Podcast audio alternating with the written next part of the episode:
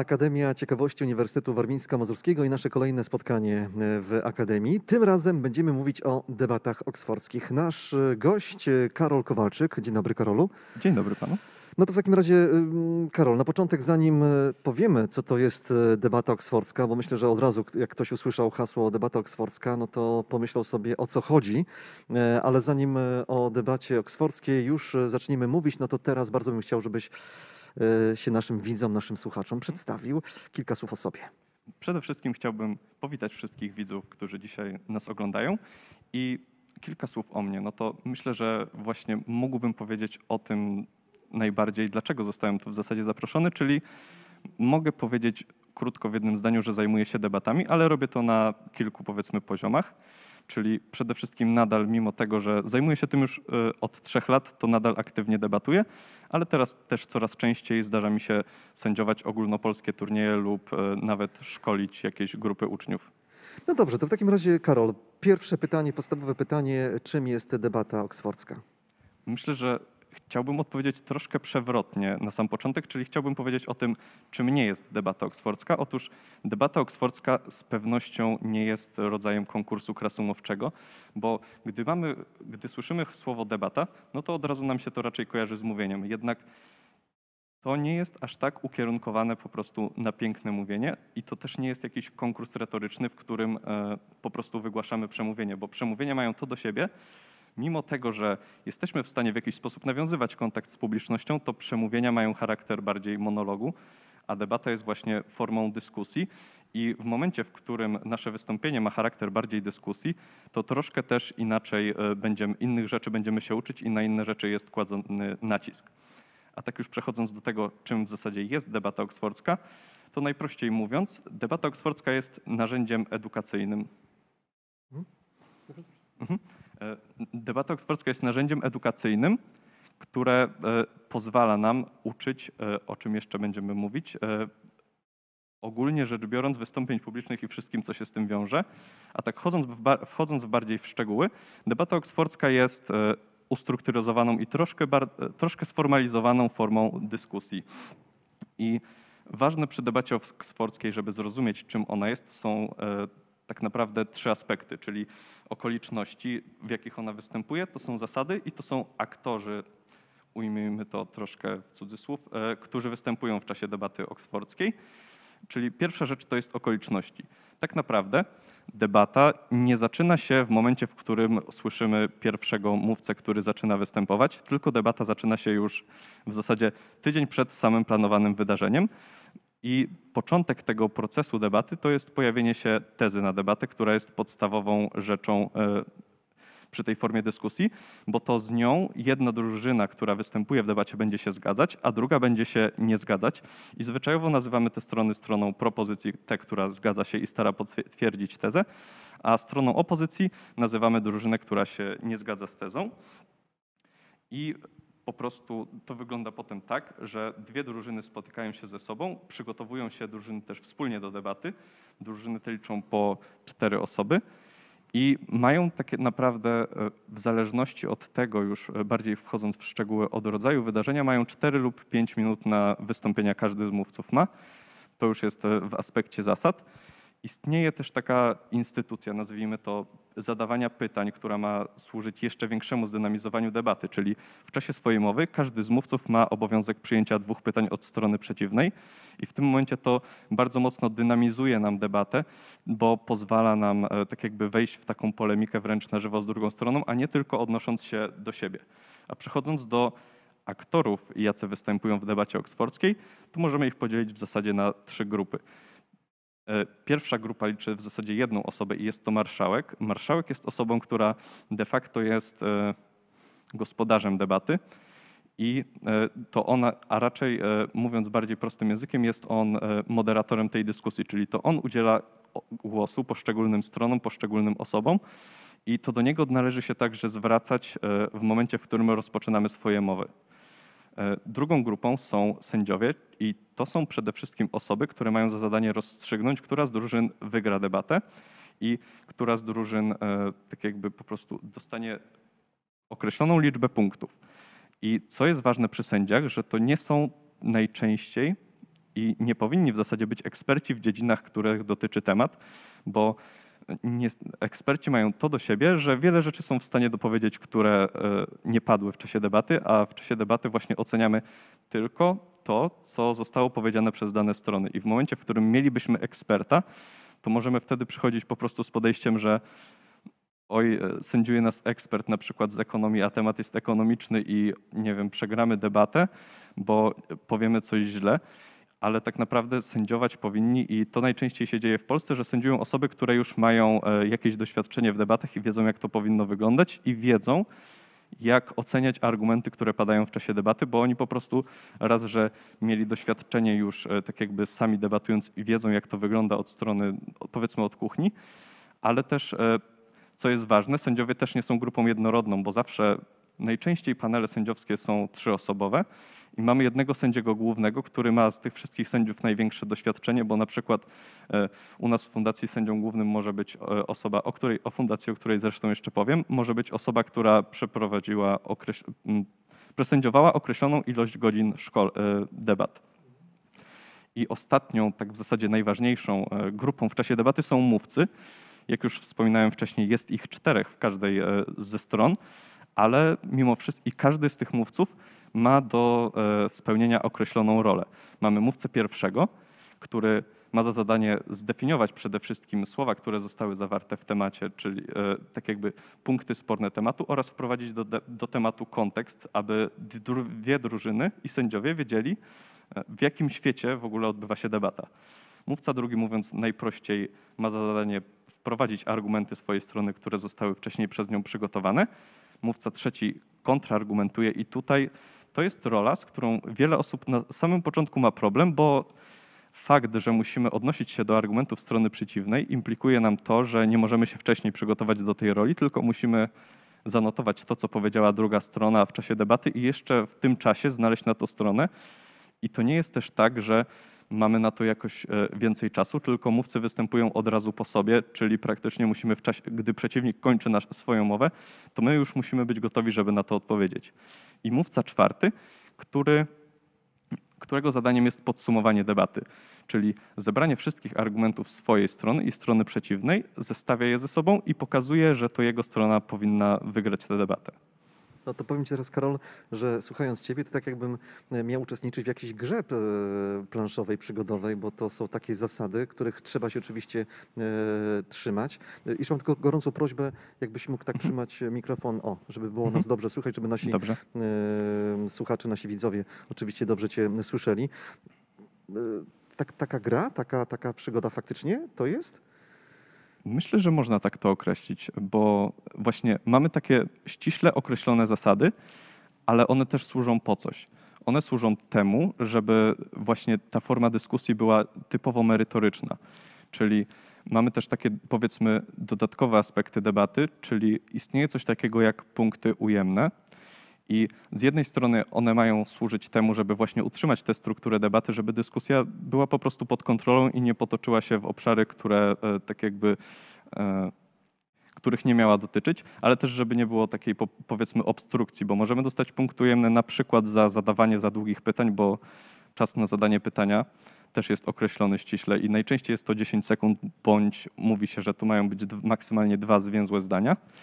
Możemy też dostać punkty ujemne za przedłużenie swojej własnej mowy.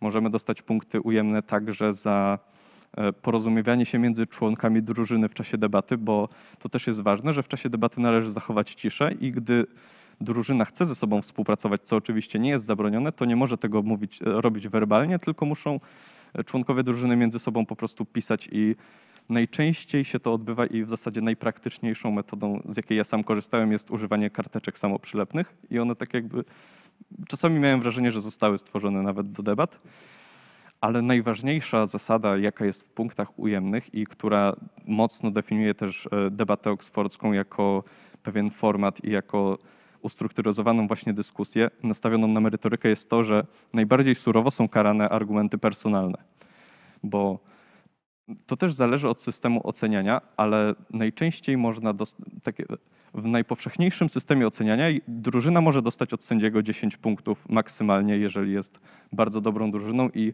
w zasadzie sytuacja, w której drużyna dostaje 10 punktów nie zdarza się nigdy, bo to jest powiedzmy taka wyobrażona najlepsza debata, jaka może się odbyć i w zasadzie jest nierealne, żeby ona się odbyła.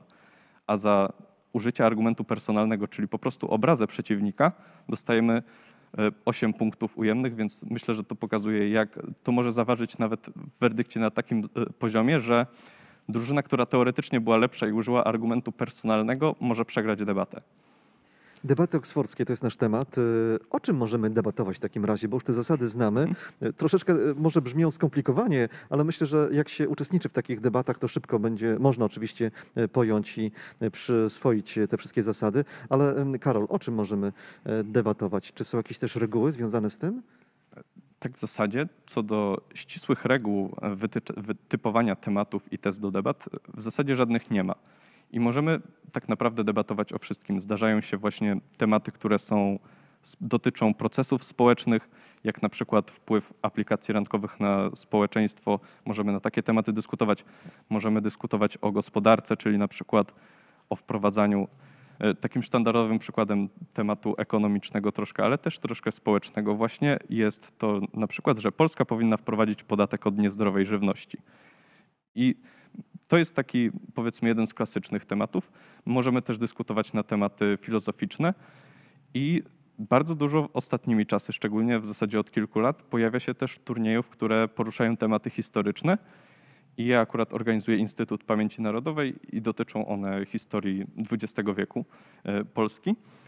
I w zasadzie ważne jest też to przy tezach debat oksfordzkich, żeby one, nie, one były ciekawe i żeby one były interesujące dla uczestników, bo wtedy, motyw, żeby, motyw, żeby dawały nam pewną jakąś wiedzę na temat otaczającego nas świata i żeby uczniowie bądź studenci chcieli po prostu się do nich przygotować. E, Czyli dla przykładu możemy tu powiedzieć o takim temacie, że państwa rozwijające się powinny wprowadzać gospodarkę centralnie planowaną. Takie tematy też się pojawiają i istotne jest też to, możemy wprowadzić takie troszkę rozróżnienie, że jest powiedzmy arsenał taki gotowych tematów, które e, ułatwiają po prostu wdrażanie się nowym instytucjom, nowym szkołom i nowym kołom naukowym dla przykładu, żeby rozpocząć swoją przygodę z debatami, czyli mamy po prostu jakieś gotowe tematy, które bardzo łatwo można znaleźć w internecie po wpisaniu frazy debata oksfordzka tezy, e, ale też e, bardziej zaawansowane, powiedzmy, instytucje z doświadczeniem są w stanie stworzyć własne tematy, które będą przede wszystkim. Istotne jest to, żeby temat debaty był, ujmując to trochę slangowo, żeby był równy, czyli żeby obie strony miały równą szansę, odpowiednio się przygotowując na wygranie dyskusji. I w momencie, w którym tworzymy swoje własne tematy, to możemy właśnie tworzyć to w jakiś sposób, który będzie komentował aktualną rzeczywistość, czyli tematy odnoszące się do e, zdarzeń, które mają miejsce w najbliższej przeszłości po, po utworzeniu tematu. Mhm. A kto może wymyśleć taki temat? Czy to jest tak, że jest jakaś jedna osoba, która pilnuje tych tematów, czy na przykład e, zbieracie się i jest e, podjęta decyzja, że to będzie ten temat akurat spotkania? Mhm. To zależy w zasadzie od tego, jak to wygląda, bo jeżeli mamy debatę i organizujemy po prostu debatę oksfordzką w jakiejś instytucji, na przykład w szkole, no to najczęściej korzystamy z gotowych tematów, bo nie ma tam, e, szkoły nie mają e, tak jakby takich struktur do tego, żeby samodzielnie wymyślać tematy, ze względu na to, że to już jest taka powiedzmy wiedza dość mocno zaawansowana w świecie debat, bo, żeby, bo wymyślenie takiego nowego tematu nie jest rzeczą prostą i to już robią osoby, które są w zasadzie najbardziej, najbardziej doświadczone w środowisku. I, a najczęściej to się odbywa, gdy jest jakiś turniej debat oksfordzkich, bo są też turnieje, o czym też będziemy mówić później. E, To dzieje się, odbywa się to w ten sposób, że zbiera się powiedzmy, tak gdy mamy przy projektach różne działy projektowe, powiedzmy, czyli osoby zajmujące się logistyką, osoby zajmujące się finansami, to w debatach oksfordzkich jest e, zespół, który zajmuje się merytoryką i to właśnie oni na potrzeby tematów, gdy robią jakiś turniej, wymyślają nowe tezy, które będą zaprezentowane uczestnikom, żeby też wprowadzić taki, bo turnieje są też taką e, formą, która pozwala wprowadzić do środowiska taki troszkę powiew świeżości. Y, Czego uczą debaty oksfordzkie? Bo y, słuchając Ciebie już y, wiem, że y, uczestniczą w nich osoby, które lubią, lubią mówić, e, które mają wiedzę na, pewne, na pewien temat. Ale właśnie, czego, czego uczą debaty oksfordzkie? To znaczy, ja może się też odniosę do tego, co pan teraz powiedział, czyli e, osoby, które lubią mówić. W zasadzie chciałbym powiedzieć, że debaty w zasadzie są dla każdego i ja sam, gdy zaczynałem swoją przygodę, nie byłem osobą, która mówił, lubiła mówić i to wszystko, e, tak jakby co teraz sobą reprezentuję, to jest wszystko kwestia takiej dużego wyrobienia i kwestia naprawdę wielu debat. Ja myślę, mogę powiedzieć, że w, tak jakby w swojej, nazwijmy to, karierze przedebatowałem około 70 tematów. Myślę, że nawet e, troszkę więcej może tego być. I myślę, że debaty są dla każdego właśnie pod tym kątem, że każdy może się nauczyć mówić.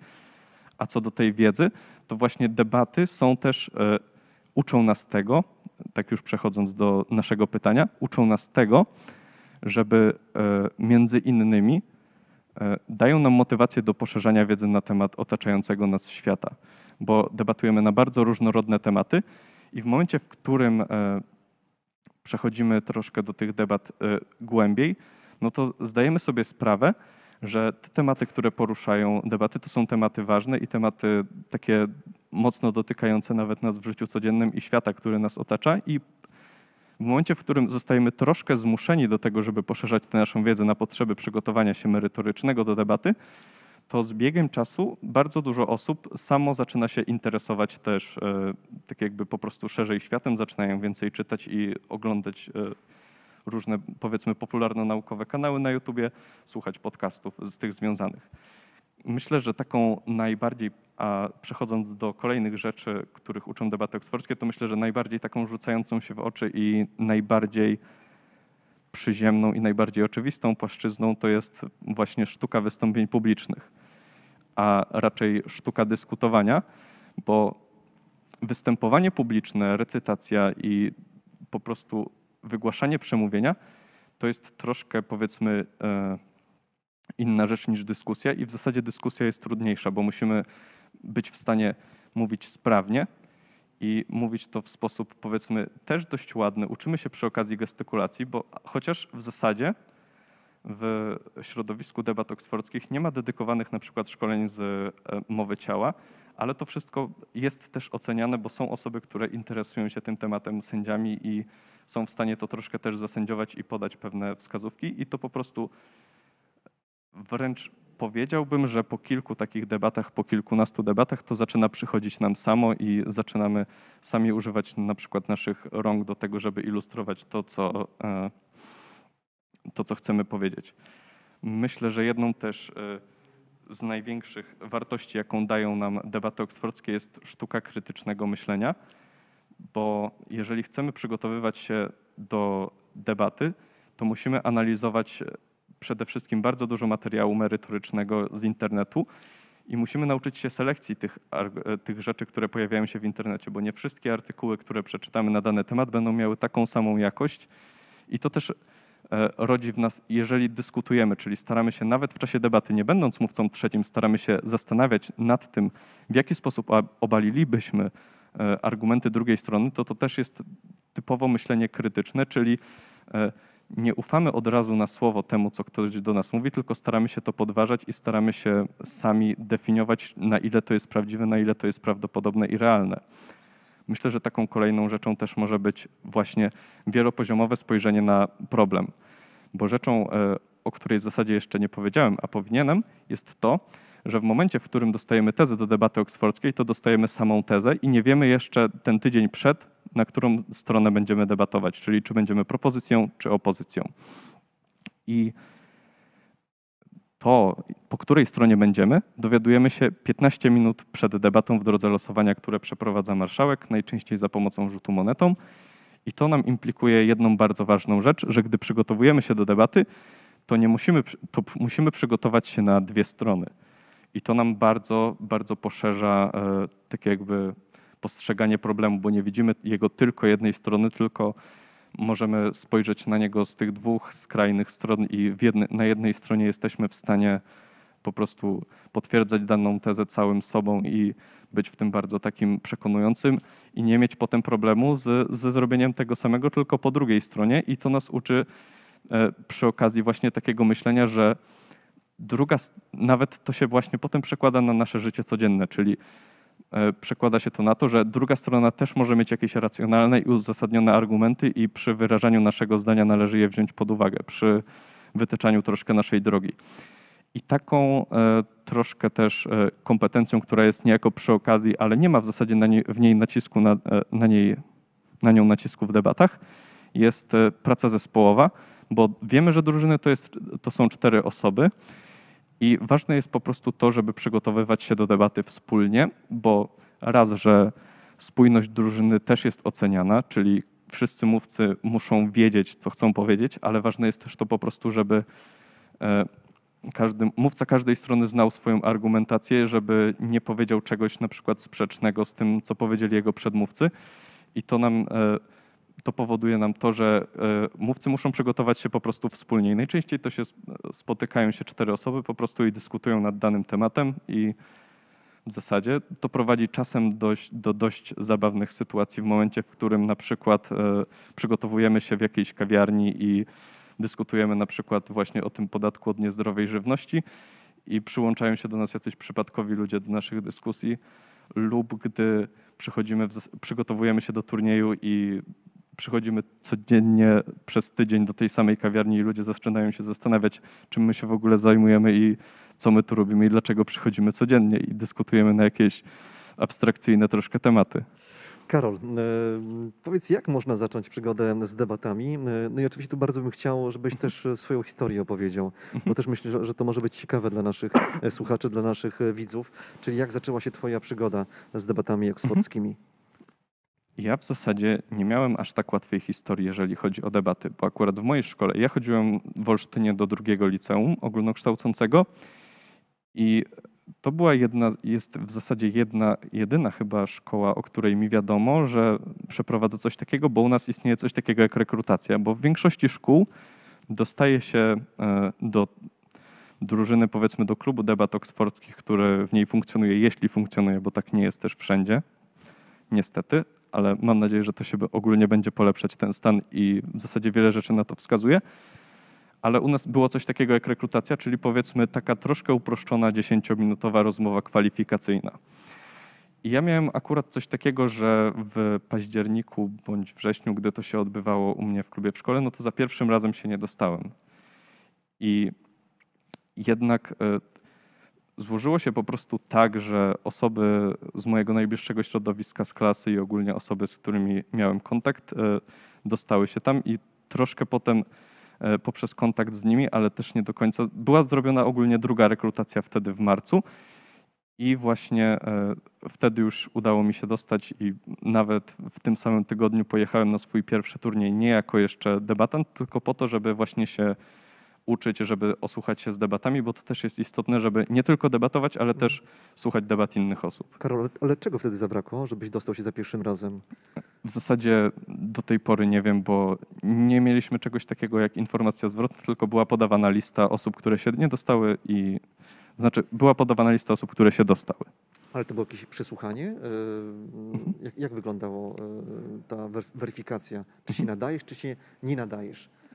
Tak, tak. E, To polegało na tym, że w zasadzie najpierw jak na standardowej rozmowie kwalifikacyjnej mieliśmy opowiedzieć e, troszkę o sobie, a potem były takie typowe zadania, które miały sprawdzić nasze kompetencje właśnie ukierunkowane na debatę, czyli mieliśmy uzasadnić jakieś mocno, w moim przypadku to trzeba było uzasadnić mocno abstrakcyjne twierdzenie, czyli e, osoba, która przeprowadzała rekrutację w momencie, w którym to był wrzesień, mówiła udowodnij mi, że teraz spada deszcz, a było słoneczna, była słoneczna pogoda za oknem, ale też mieliśmy jakieś przykładowe tematy z debat i mieliśmy na przykład na wybraną przez siebie stronę opowiedzieć kilka argumentów. No dobrze, no to w takim razie e, jak e, redaktor Andrzej ma zacząć przygodę e, z debatami, czyli gdzie powinienem szukać dostępu do Mhm. nich, gdzie łapać was? E, W zasadzie ja bym najpierw zaczął od tego jeszcze nie, żeby zacząć łapać współpracę ogólnie, ale zacząłbym od tego, że przede wszystkim potrzebna jest grupa chętnych osób, bo żeby robić chociaż jedną debatę na przykład w tygodniu, no to potrzebujemy co najmniej ośmiu osób, a tak naprawdę troszkę więcej, bo musi być jeszcze ktoś, kto debatę nam zasędziuje. Czyli podstawą jest grupa e, ośmiu, e, ośmioosobowa powiedzmy. I idąc dalej, istot, tak naprawdę też debaty można robić w szkole i to też jest troszkę nacisk kładziemy na to, żeby to było narzędzie edukacyjne wykorzystywane na co dzień w wielu szkołach i co też w zasadzie się dzieje. W moim liceum kilka razy miałem okazję uczestniczyć w debacie oksfordzkiej, która nie była związana z klubem, tylko nauczyciele troszkę pod wpływem tej idei też przeprowadzali je od czasu do czasu na lekcji. Ale w momencie, w którym chcemy się troszkę zająć tym, powiedzmy, na poważniej i mieć jakiś właśnie lepszy dostęp do na przykład dedykowanych szkoleń, bo struktury ogólnopolskie są już dość rozwinięte, jesteśmy w stanie przeprowadzić warsztaty na kilku poziomach zaawansowania, to właśnie trzeba się zwrócić do jednej z kilku ogólnopolskich fundacji, które przeprowadziłyby nam warsztaty.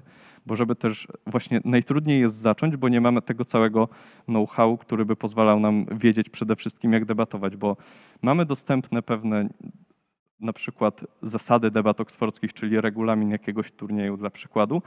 Istnieje też ogólnie, e, jest też dostępna strona internetowa debataoksfordzka.pl, na której mamy podręcznik do debat i kilka filmików instruktażowych, ale w zasadzie to są takie bardzo, bardzo podstawowe rzeczy, które pozwolą nam e, zacząć na takim minimalnym poziomie debatowania, a jeżeli chcemy e, na przykład już troszkę to bardziej rozwinąć i co robi w zasadzie wiele szkół, no to jest e, zgłoszenie się do jednej z fundacji ogólnopolskich, które w zasadzie też jest o tyle ułatwione, że obejmują swoim zasięgiem całą Polskę, można powiedzieć. Jeżeli będzie trzeba, to trenerzy są w stanie dojechać dość, e, no czasem nawet kawałek drogi, żeby przeprowadzić warsztat w szkole, byle tylko ta idea coraz bardziej się roznosiła i była coraz powszechniej używana. E, ale każdy może zacząć tą przygodę? Bo czy też jest ważny wiek? Nie wiem, czy tutaj mhm. akurat e, będzie mowa o tym dalej, ale jak to właśnie wygląda? To też zależy od tego, jakie są chęci, bo Zdarzało mi się też w Olsztynie przeprowadzać warsztaty dla, e, i debaty dla szkół podstawowych, czyli tak naprawdę wiek tu nie gra roli, tylko tu chodzi bardziej o to, że to nie jest tak, że ludzie muszą się dostosować do debaty, tylko debata musi się dostosować do ludzi. Czyli po prostu dla różnych grup wiekowych jesteśmy w stanie dać tematy o różnym stopniu zaawansowania, ale tak naprawdę to z tego narzędzia edukacyjnego może korzystać każdy. Mi samemu zdarzało się właśnie, e, jak już mówiłem, w szkole podstawowej E, najbardziej rozwinięte w zasadzie to jest e, w liceach, ogólnie jeżeli chodzi o debaty oksfordzkie i mamy też na poziomie akademickim wiele studenckich kół naukowych i organizacji, które tworzą po prostu turnieje dla debat i same po prostu dla własnej przyjemności debatują. Raz też mi się zdarzało uczestniczyć e, w debacie, w której byli nauczyciele też. I jako taką ciekawostkę, no to, to, to było ogólnie szkolenie organizowane przez Instytut Pamięci Narodowej i to byli nauczyciele ogólnie e, ze szkół polonijnych, czyli tam byli nauczyciele z Ukrainy, Australii, Irlandii.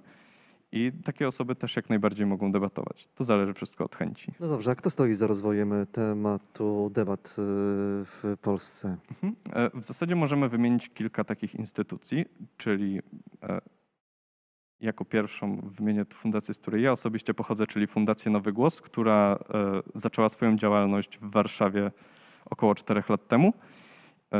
E, jako kolejną możemy wymienić Krakowskie Stowarzyszenie Mówców e, z Krakowa. Jak sama nazwa wskazuje, mamy Fundację Edukacyjną G5 z Poznania. Mamy także Instytut Debaty Publicznej, który powiedzmy stacjonuje w Gdańsku. No i mamy też jakieś e, pomniejsze projekty, jak na przykład Tarnowska Liga Debatancka. Coraz więcej miast w zasadzie ma swoje jakieś takie dedykowane ligi, ale które i tak najczęściej są e, patrona, pod patronatem e, jednej z największych tych fundacji ogólnopolskich.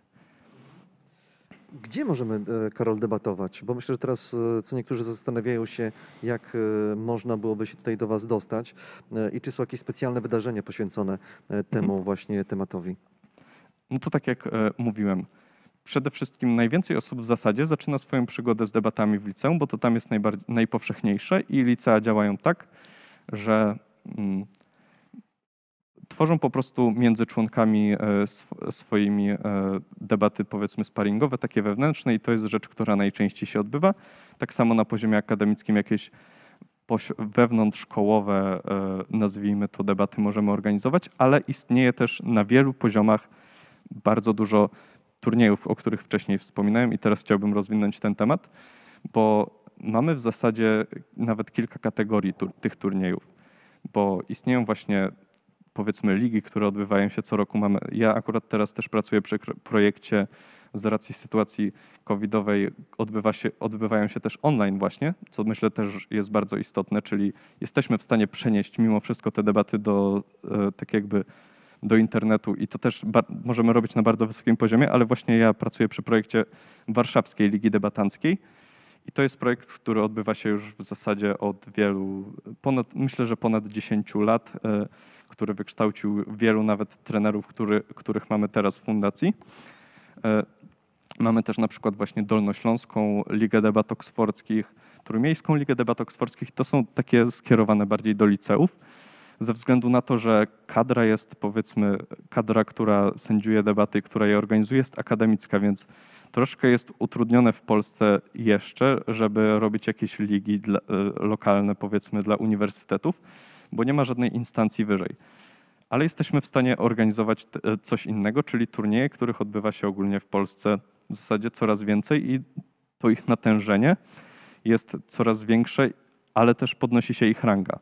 Bo Fundacja Edukacyjna G5, o której wcześniej wspominałem, organizuje wydarzenie już od e, siedmiu co najmniej lat, e, które się nazywa Mistrzostwa Polski Debat Oksfordzkich. I to jest skierowane do liceów. I w zasadzie zasięg tego turnieju myślę, że jest bardzo duży, bo co roku co najmniej 64 drużyny z całej Polski tam się spotykają. Zasięg jest też spory pod kątem logistycznym troszkę, bo to działa tak, że mamy 4 dni eliminacji i rozgrywki odbywają się powiedzmy tak w systemie sportowym mocno, czyli losujemy grupy, czyli mamy taką troszkę też atmosferę wydarzenia bardzo sportowego, bo debaty oksfordzkie można też określić jako debaty sportowe, bo mamy pewien element rywalizacji, możemy rozwijać swoje umiejętności i podobne rzeczy. Czyli na, na rozpoczęcie każdego dnia jest losowanie grup turniejowych i e, wokół tego też jest zbudowana taka bardzo przyjazna i otwarta atmosfera i potem mamy, po prostu debatujemy w grupach w systemie każdy z każdym i grupa, drużyna, która wygra najwięcej debat w swojej grupie awansuje do fazy finałowej, która odbywa się w przypadku tych mistrzostw e, po miesiącu. Mamy też na poziomie akademickim coraz więcej turniejów i istnieją właśnie też akademickie Mistrzostwa Polski Debat Oksfordzkich, które organizuje już inna fundacja, czyli Krakowskie Stowarzyszenie Mówców. I to już działa troszkę nawet na troszkę szerzej niż e, te mistrzostwa licealne, bo tutaj mamy turnieje regionalne, czyli e, w czterech miastach Polski e, organizowane są turnieje regionalne, takie eliminacyjne, w których drużyny mierzą się ze sobą i potem, gdy przedebatują te wszystkie turnieje regionalne, to mamy coś takiego właśnie jak finały, które odbywają się już w Krakowie, a przed samym finałem, kilka dni przed, istnieje też coś takiego jak eliminacje centralne, czyli drużyny, które nie wzięły udziału w, w tych turniejach regionalnych w, wielu, e, w tych czterech miastach, e, mają szansę jeszcze raz, bądź drużyny, które wcześniej odpadły, mają szansę jeszcze raz spróbować dostać się do fazy finałowej.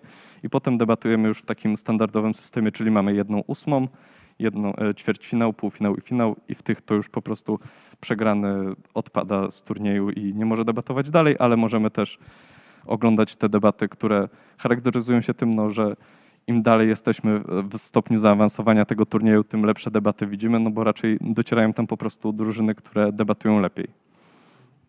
Słuchając Ciebie, tak y, wnioskuję, że mm, to środowisko, które obraca się, jeżeli chodzi o debaty oksfordzkie, chyba jest takie bardzo specyficzne.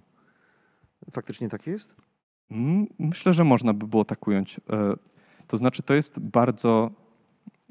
To jest ogólnie bardzo inkluzywne środowisko i każdy jest tu mile widziany, ale istnieje powiedzmy e, pewien e, taki, pewna taka ściana, przez którą musimy się przebić, bo to środowisko jest tak jakby z debatami związane do tego stopnia, że wykształcił się pewien taki powiedzmy żargon, takie wiele w nim jest anglicyzmów, bo debaty oksfordzkie i ogólnie debaty sportowe są dużo lepiej rozwinięte e, w literaturze angielskiej ogólnie za granicą niż w Polsce.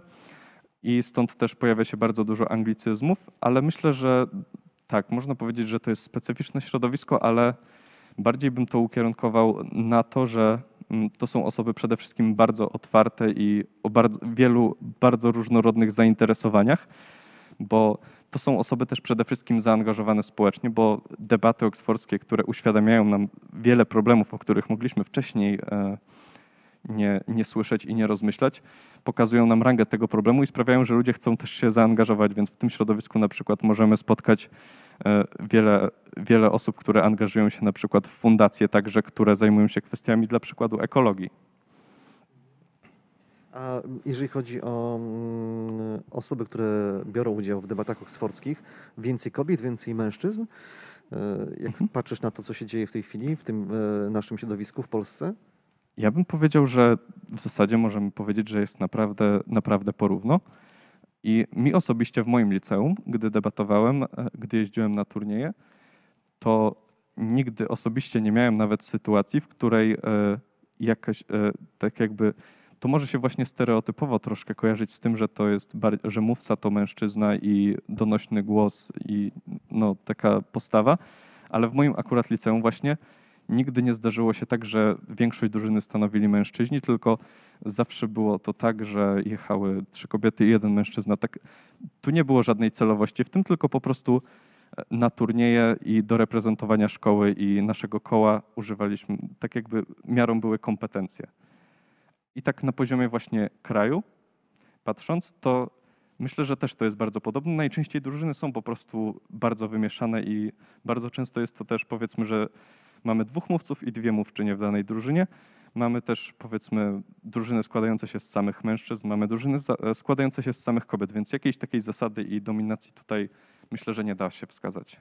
A patrząc na społeczność, y, która jest w liceum, i która uczestniczy oczywiście w debatach oksfordzkich, to więcej mamy mm, humanistów, y, tak widać. No, trzeba Mhm. potrafić jednak mówić, prawda? E, Debatować. Czy jednak zdarzają się też osoby z innych y, y, klas? Mhm. To jest właśnie też bardzo ciekawa rzecz, bo to, to jest kolejna rzecz, która może nam się kojarzyć z, z występowaniem, czyli że osoba, która mówi publicznie jest raczej humanistą, ale to właśnie znowu chciałbym powiedzieć, że to naprawdę jest dla każdego i gdy ja przychodziłem ponownie do liceum, to w zasadzie osób, które były humanistami było u nas najmniej.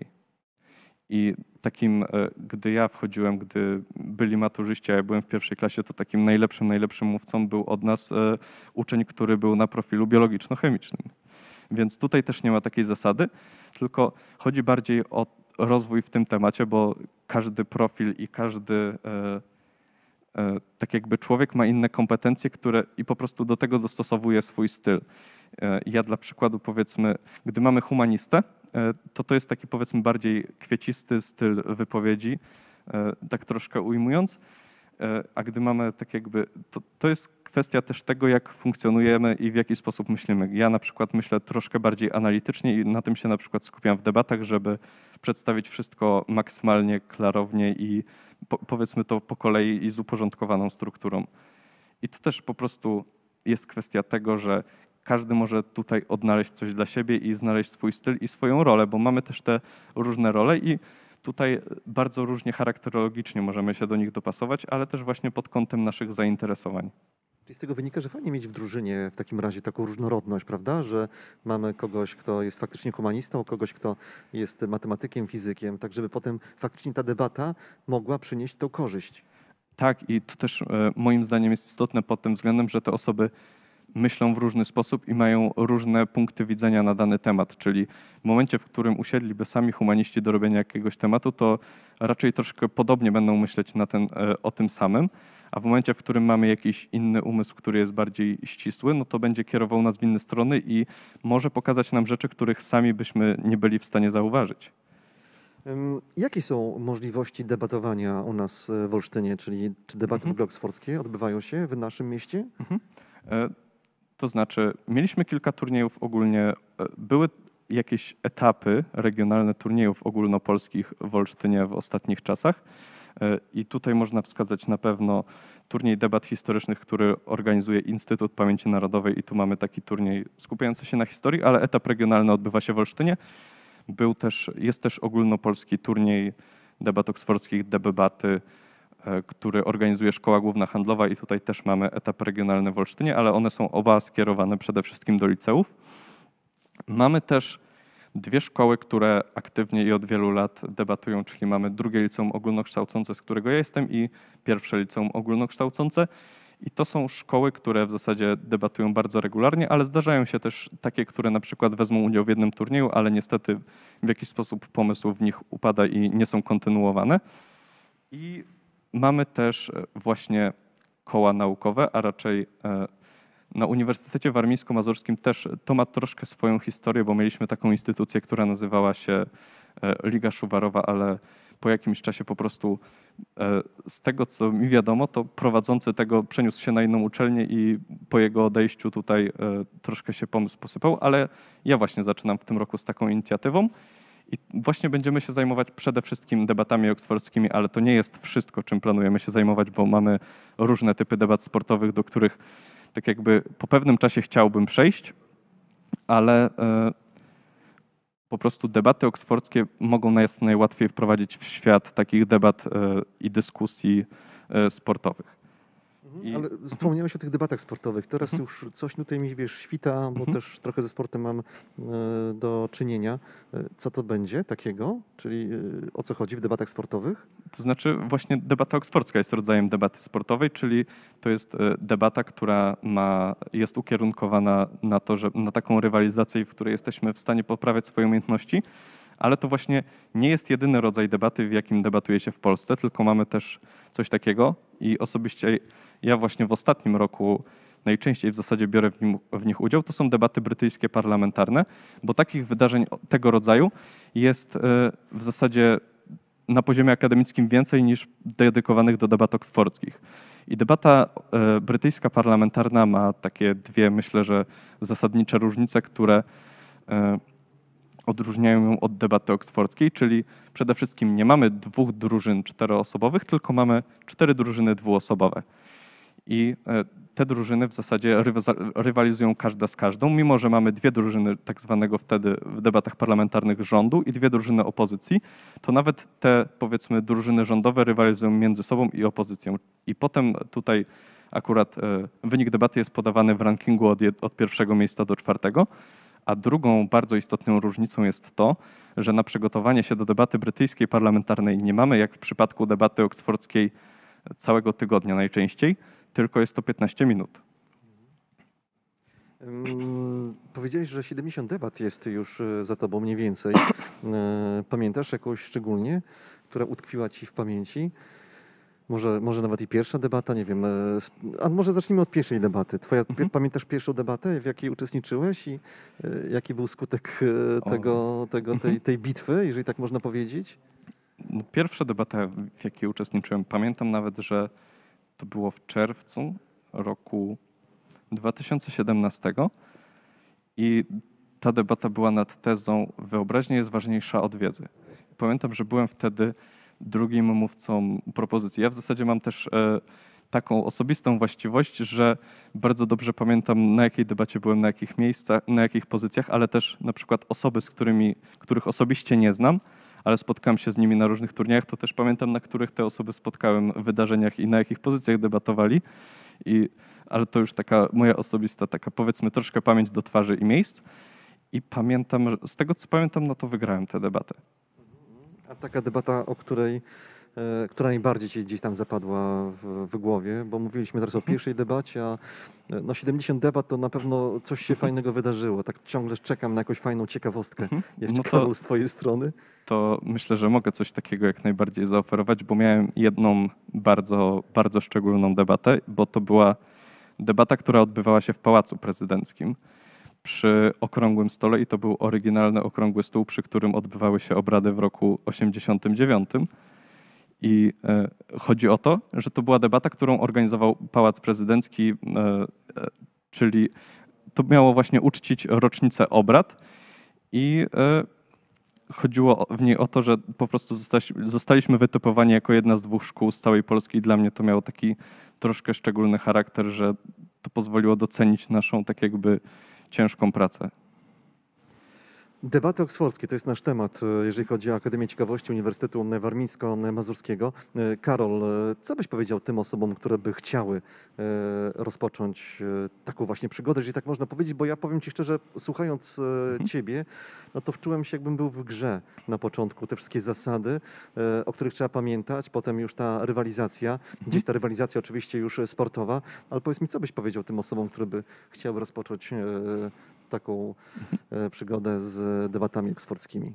Myślę, że przede wszystkim powiedziałbym im to, żeby zwrócili się do jakiejś takiej instytucji, która pomoże im to zorganizować i żeby to była jakaś, powiedzmy, potwierdzona instytucja, bo w, bo w debatach istotne jest to też, żeby, e, że potrzebujemy pewnego czasu, żeby nauczyć się tych wszystkich umiejętności. Jeżeli na przykład po prostu będą nas prowadzić niewłaściwe osoby, to możemy się do tego zarazić, bo na to też bardzo duży nacisk kładziemy w środowisku, czyli przy udzielaniu informacji zwrotnej po debatach, która ze stron wygrywa, to nie staramy się używać takich e, mocno takich e, jedn- niejednoznacznych, tylko mm, powiedzmy krytykujących sformułowań, tylko ma, chcemy, żeby to miało wartość edukacyjną. I myślę, że bardzo istotne jest właśnie to, żeby zwrócić się przede wszystkim do odpowiednich osób, które będą w stanie profesjonalnie nas przeprowadzić przez ten początek. I tak naprawdę, gdy już przedebatujemy kilka debat, to myślę, że tak jak było w moim przypadku i w przypadku wielu osób, z którymi miałem styczność, to jak się wsiąknie w to środowisko, to bardzo trudno jest się z niego wydostać, ale to wynika z tego, że w zasadzie nie chce się z niego wydostawać. A gdzie szukać pomocy na przykład w Olsztynie? No bo gdybym chciał na przykład z kimś się skontaktować, jest taka możliwość, żeby zadzwonić na przykład do Was, czy do Ciebie się skontaktować, e, jeżeli chodzi o poradę. E, W zasadzie ja- właśnie myślę, że można zwrócić się bezpośrednio do mnie, bo roz, e, w tym roku założyłem koło naukowe i na ten moment, którym teraz prowadzimy rozmowę, no to ostatnia właśnie właściwie została formalność, czyli zaniesienie dokumentów do rektoratu i będziemy już e, funkcjonującym kołem naukowym.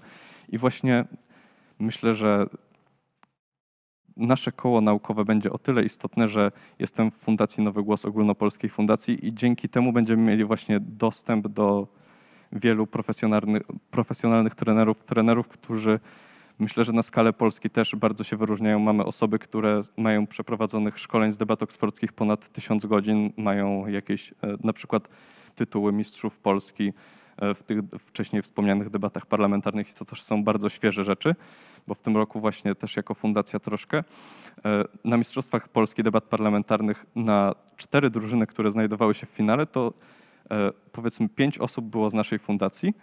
Pięciu najlepszych mówców było, e, turnieju było osobami z naszej fundacji i wygrali też e, e, członkowie naszej fundacji. Więc myślę, że to tak troszkę pokazuje, mm, na jakim poziomie jesteśmy w stanie przeprowadzić warsztaty i też prowadzić osobę. Karol, na zakończenie w takim razie podsumowując już nasze dzisiejsze spotkanie, bo przypominam, że rozmawiamy o debatach oksfordzkich. Co takiego fajnego jest w debatach oksfordzkich? Myślę, że ja bym to określił jako przygodę, bo w swojej drodze oprócz tych tematów, które zazwyczaj są ciekawe i po prostu chcemy się czegoś na ich temat dowiedzieć i e, są one dla nas w jakiś sposób ciekawe i angażujące, to widzimy troszkę też taki swój namacalny rozwój i w debatach oksfordzkich dzięki temu systemowi sędziowania i zdobywania coraz wyższych osiągnięć jesteśmy w stanie widzieć taką swoją drogę, którą przebywamy i widzieć to, że stajemy się coraz lepsi ale też myślę, że bardzo istotni są ludzie, których spotykamy po drodze i bardzo często właśnie w tych kołach debat, nawet szkolnych bądź w fundacjach, rodzą się takie przyjaźnie na całe życie i to jest po prostu bardzo przyjazne i otwarte środowisko, które z chęcią przyjmie każdego. Ale myślę, że chyba też to bardzo mocno rozwija nas, prawda? Was rozwija bardzo mocno. Tak, w zasadzie to też jest bardzo dobre pod kątem ogólnie kompetencji, nauki kompetencji miękkich, których niestety w małym stopniu w jesteśmy nauczyć się w stanie w szkole i debata oksfordzka właśnie ma troszkę wypełniać tę lukę i nauczyć nas tych umiejętności wysławiania się, a wiele osób po prostu boi się mówić i to służy temu, żeby się przełamać, ale też żeby robić to coraz lepiej, co myślę, że procentuje w późniejszym życiu, na przykład na rozmowach kwalifikacyjnych albo przy prowadzeniu nawet prezentacji biznesowych. No właśnie chciałem się o to zapytać, tak? Czyli Mhm. pomaga to faktycznie w dalszym e, funkcjonowaniu we współczesnym świecie, e, czy dalej oczywiście funkcjonowaniu na przykład czy na uczelni, czy w Mhm. szkole? Tak, to są kompetencje, które są w zasadzie e, na takim poziomie, na jakim zdobywamy je w debatach, to w zasadzie, jeżeli będzie bardzo trudno z taką osobą konkurować na rynku pracy, no bo w zasadzie teraz, jeżeli obserwujemy rynek pracy, to bardzo duży nacisk jest kładziony na te kompetencje, powiedzmy miękkie, czyli to krytyczne myślenie i praca zespołowa i nawet to wysławianie się i myślę, że to daje nam bardzo dużo w kontekście przyszłości, a w zasadzie ważne jest to, że my jedyną rzecz, jaką w to inwestujemy, to jest nasz czas. No to ostatnie pytanie, a jak y, zaczynałeś debaty oksfor- oksfordzkie, to też tak y, ładnie mówiłeś? Y, jak to było z twoimi wypowiedziami? No właśnie chodzi o to, że nie. I ja w zasadzie na samym początku bardzo się stresowałem tymi debatami. I tu chodziło po prostu o taką zmianę też troszkę nawyków, bo a raczej ustanowienie nawyków przy wypowiadaniu się, bo nie miałem wcześniej żadnego doświadczenia w przygotowywaniu się do debat, powiedzmy w przygotowywaniu sobie mowy, a nawet do struktury notatek, które potem nam ułatwiają poprowadzenie e, jakiejś e, rozmowy. I też bardzo trudno na początku było mi odpowiadać na pytania, bo miałem taką powiedzmy pustkę w głowie i miałem tak, że byłem w stanie mówić powiedzmy te 4-5 minut w czasie debaty, ale potem za nic w świecie nie byłem w stanie sobie przypomnieć, co ja przed chwilą powiedziałem. Dziękuję bardzo. Karol Kowalczyk w Akademii Ciekawości Uniwersytetu Warmińsko-Mazurskiego. Mówiliśmy o debatach oksfordzkich, no i mam nadzieję, że ten temat również Was e, bardzo mocno zainteresował. To nie ostatni temat, który poruszamy oczywiście w naszej e, Akademii, więc bądźcie razem z nami. A ja Tobie, Karolu, dziękuję za to, że byłeś dzisiaj razem z nami podczas tego kolejnego cudownego spotkania i niezwykłego spotkania. Ja również dziękuję. Dziękuję bardzo.